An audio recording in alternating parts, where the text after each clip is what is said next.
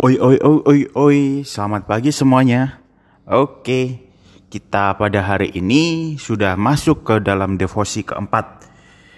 Devosi yang lalu kita sudah belajar tentang bagaimana Daud diurapi oleh Samuel. Ya, Daud dipilih oleh Samuel. Daud yang masih remaja, masih terlihat kemerah-merahan, dipilih oleh Samuel. Dan sekarang kita akan melihat bagaimana prosesnya Daud sampai menjadi seorang raja. Oke, tema pada hari ini adalah menjadi berkat bagi dunia. Karena topangan anugerah Allah yang dinyatakan melalui gerejanya, kuasa iblis di dunia ini masih dikendalikan. Bacaan kita pada hari ini diambil dari 1 Samuel 16 ayat 14 sampai 23. Ingat, di pause dulu tekan itu pause, tekan pause. Setelah itu baca di 1 Samuel 16 ayat 14 sampai 23. Tapi di sini saya akan membacakan dari ayat yang ke-6 ke ayat yang ke-23 yang berkata bahwa dan setiap kali apabila roh yang jahat atau berbahaya daripada Allah itu hinggap pada Saul, maka Daud mengambil kecapi dan memainkannya. Saul merasa lega dan nyaman, dan roh yang jahat itu undur daripadanya. Ya, Saul dengan segera menyadari bahwa Tuhan telah menolak dia. Roh Tuhan telah meninggalkan dia. Saul menjadi buta terhadap rencana Tuhan bagi umatnya. Yang Saul pikir dan perjuangkan sekarang hanya kepentingan dan masa depannya sendiri. Kadang-kadang Saul bahkan tidak merasakan bahwa perjuangannya akan kalah Lalu iblis dapat dengan mudah mempengaruhi dia. Seringkali iblis benar-benar menguasai Saul sehingga ia kerasukan. Hal ini sungguh mengerikan, bukan? Alkitab mengatakan bahwa Saul diganggu oleh roh jahat yang daripada Tuhan. Ayatnya yang ke-14. Apa maksudnya ayat ini? Artinya, Saul pernah menerima roh Tuhan dengan limpah tetapi sekarang setelah Tuhan menarik rohnya dari Saul, Saul melakukan segala sesuatu sesuai dengan natur dosanya dan pikirannya terbuka terhadap kebujukan-bujukan jahat dari iblis atau roh jahat.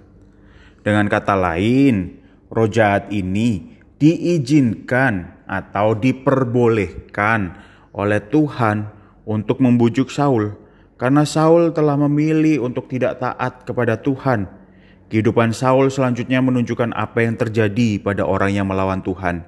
Hanya dua pilihan bagi manusia, yaitu melayani Tuhan atau melayani iblis.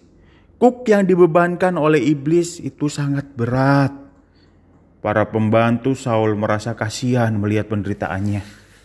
Mereka menyarankan agar Saul mencari seorang yang pandai bermain musik Musik yang baik dapat membuat pikirannya menjadi tenang dan tidak mudah diganggu oleh si jahat. Saul setuju dengan usul ini. Akhirnya dipilihlah Daud, anak Isai, karena kepandaiannya bermain kecapi. Selain itu, Daud juga dikenali sebagai pemuda yang berani, bijaksana, dan elok parasnya. Meskipun dia hanyalah seorang anak desa, tetapi dia tampak pantas untuk berada di istana. Ya, Saul menyuruh Daud datang menghadapnya. Daud datang ke istana dengan membawa hadiah dari ayahnya untuk Saul. Tuhan sendiri yang telah membawa Daud masuk ke dalam lingkungan istana. Di situ ia dapat belajar banyak hal-hal yang bermanfaat bagi pemerintahannya nanti. Dengan berada di lingkungan istana, Daud juga akan semakin dikenal oleh banyak orang. Dan yang terutama, di istana itu Daud akan belajar untuk melayani dan menantikan Tuhan dengan iman. Tidak dibutuhkan waktu lama bagi Saul untuk menyukai Daud. Saul kemudian meminta agar Isai mengizinkan Daud tinggal di istana untuk melayani dia. Saul juga mengangkat Daud menjadi bujang pembawa senjatanya. Sejak saat itu Daud tinggal di istana. Dia memainkan kecapinya untuk Saul setiap kali roh jahat hingga pada Saul. Musik yang Daud mainkan mencerminkan kedamaian yang ada di dalam hati Daud karena bergantung pada Allah. Kedamaian itu mengusir roh jahat dari diri Saul dan membuat hati Saul tenang. Sungguh merupakan suatu pemandangan yang mengharukan ketika Daud dengan musiknya menghibur serta menyegarkan hati Saul, orang yang telah ditolak Tuhan itu. Hal ini memiliki arti yang sangat penting, bukan saja bagi Saul, melainkan juga bagi seluruh Israel. Allah masih tetap memberikan anugerahnya, sehingga Saul tidak sepenuhnya dikuasai oleh iblis, dan urusan-urusan kenegaraan Israel tidak menjadi hancur total sebelum raja yang baru itu siap untuk naik tahta.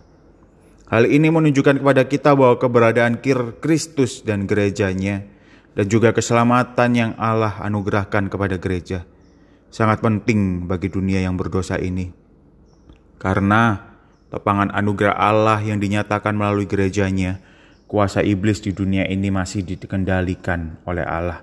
Tentunya banyak hal melintas dalam pikiran Daud, sementara ia memainkan musik bagi Saul. Ia sedang menjadi berkat bagi orang yang akan ia gantikan.